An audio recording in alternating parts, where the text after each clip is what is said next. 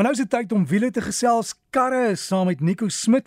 En Nico, jy het gesê jy wil gesels oor die AMT radkas en 'n ander vraag wat ek het is, jy onthou die Beetle kewertjies? Was daar ooit van ja. hulle wat outomaties was?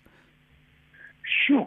Dit is voor my tyd. Ek dink nie so nie. Ek weet nie, ek dink nie ehm um, Volkswagen self het uh, en ek kan verkeerd wees outomatiese kewertjies gemaak nie. Ek dink mense kon dit self moontlik voertuig omgebou, maar sover ek weet was daar nie outomatiese kewers nie. Ek ja, kan verkeerd wees. Want ek probeer dink ek het nog nooit een gesien wat nee. outomaties is nie. Nee, ek het ook nie ehm um, ek het ook nie 'n kewertjie. Die ding is die en dis jy's eintlik lei baie mooi na die die ons gesprek want toe nie toe die ehm um, kewer gebou was, was die outomatiese radkas wat beskikbaar was in daai tyd ehm um, was 'n konvensionele konvensionele outomatiese radkas ehm um, wat 'n koppelomsitter of in Engels 'n torque converter gebruik het. Met ander woorde, tussen die engine en die radkas was die verbinding twee as jy 'n uh, maklike manier om dit te verduidelik is twee waiers wat teenoor mekaar sit wat nie mekaar raak nie en uh, wat toe is met olie binne. Met ander woorde, die engine wanneer die engine draai, dan draai die een waier en dan draai dit die olie, dan draai dit die teenoorgestelde waier en dit dit draai dan die ratte. Met ander woorde, wanneer die voertuig ratte oorskakel omdat die verbinding nie uh, te mekaar is nie, kan uh, die die die die ratte enige tyd oorgeskakel word. Maar die nadeel is omdat jy nou 'n waier uh, in 'n waier en olie het, is daar verliese in in in 'n so konvensionele tipe radkas of 'n torque converter of koppelomsit radkas. Met ander woorde, die kar, as jy dieselfde kar vat en jy vat dit as 'n handrat en daai tipe outomaties, dan is daai tipe outomaties baie pap gevoel. Dit gevoel of die kar nie krag het nie as gevolg van die verliese in die koppelomsitter. As jy kyk na 'n handratkar byvoorbeeld, ehm um, is die engine en en en die radkas word verbind met 'n koppelaar. So jy het 'n koppelaar pedaal in die voertuig en dan die koppelaar self is daai verbinding.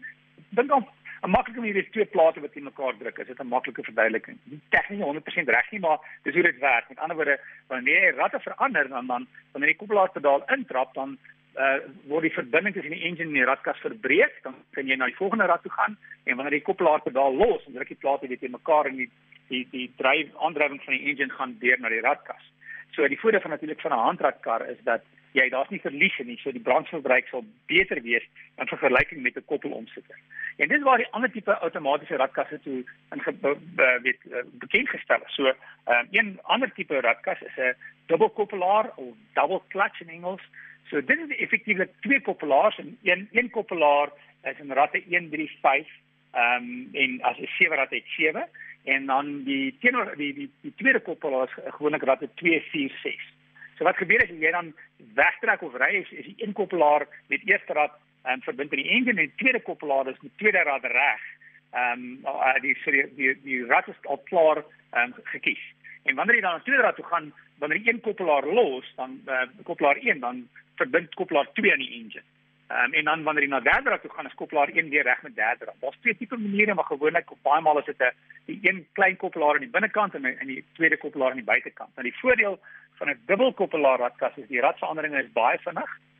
Maar tot en met 0,15 van 'n sekonde of 150ste van 'n sekonde. Um, en omdat dit 'n koppelaar is, is die brandstofverbruik baie goed. Um, en dit is baie sportief. Maar die nadeel van 'n dubbelkoppelaar radkas is dat dit nog steeds 'n koppelaar met ander woorde as jy by 'n verkeerslig staan teen 'n bultjie net net genoeg petrol die voertuig nie agtertoe rol nie, dan gly die koppelaar. Die derde tipe wat baie gebruik word is in Engels praat hulle van 'n CVT, 'n continuous variable transmission. Dit het ook 'n koppelaar wat die engine en die radkas verbind. In die geval van 'n CVT verwys dit na hoe die radkas sal werk. Nou die maklikste manier as jy dink aan 'n bergfiets met ratte, het jy voor 'n klein rad en dan 'n groter groter groter en agter 'n klein rad en groter groter groter. So as jy byvoorbeeld wegtrek, as jy 'n klein radjie voor en 'n groter rad agter en dan soos jy vinniger gaan, skuif jy ratte voor boontoe en die ratte agter ehm um, na 'n kleiner rad. Maar jy gaan heeltyd tussen 'n klein kleiner rad sê maar 'n klein rad voor en 'n groot rad agter na 'n groot rad voor en 'n klein rad agter.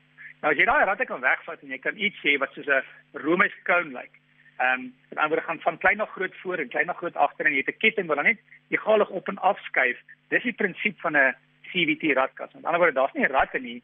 Dis ehm um, twee cones en die rad waar daai ketting dan byt op die op die cone aan die kleiner kant of aan die groter kant bepaal dan amper 'n ehm um, uh, kom ons sê ek dink ek kan nie vir kans dink aan 'n reis met ander woorde as jy kyk na CVT tipe radkaste, is die brandstofverbruik goed want daar's 'n koppelaar Ehm um, maar uh, en dit is baie galig as jy stadig ry, maar as jy vinniger versnel, het hulle gewoonlik so 'n uh, uh, Engels praat van 'n drone, dit albei dit klink nie so sportief nie.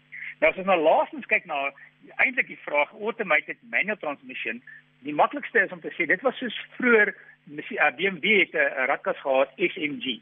En dis dieselfde tipe as 'n SMG. Met ander woorde, hierdie radkas is 'n is 'n handradkas, met ander woorde jy het 'n 'n radkas en 'n koppelaar, maar jy het nie meer 'n koppelaar pedaal nie. So die voertuig self sal wanneer die daar's daar's 'n programmetjie in die voertuig ingeskryf van die radkas om te sê weet jy wat teen hierdie revolusies of weet ehm um, as die voertuig die persoon hierdie tipe pedaal pedaal soveel trap dan gaan die voertuig self die koppelaar oopmaak, die rad verander en sal weer die koppelaar sluit.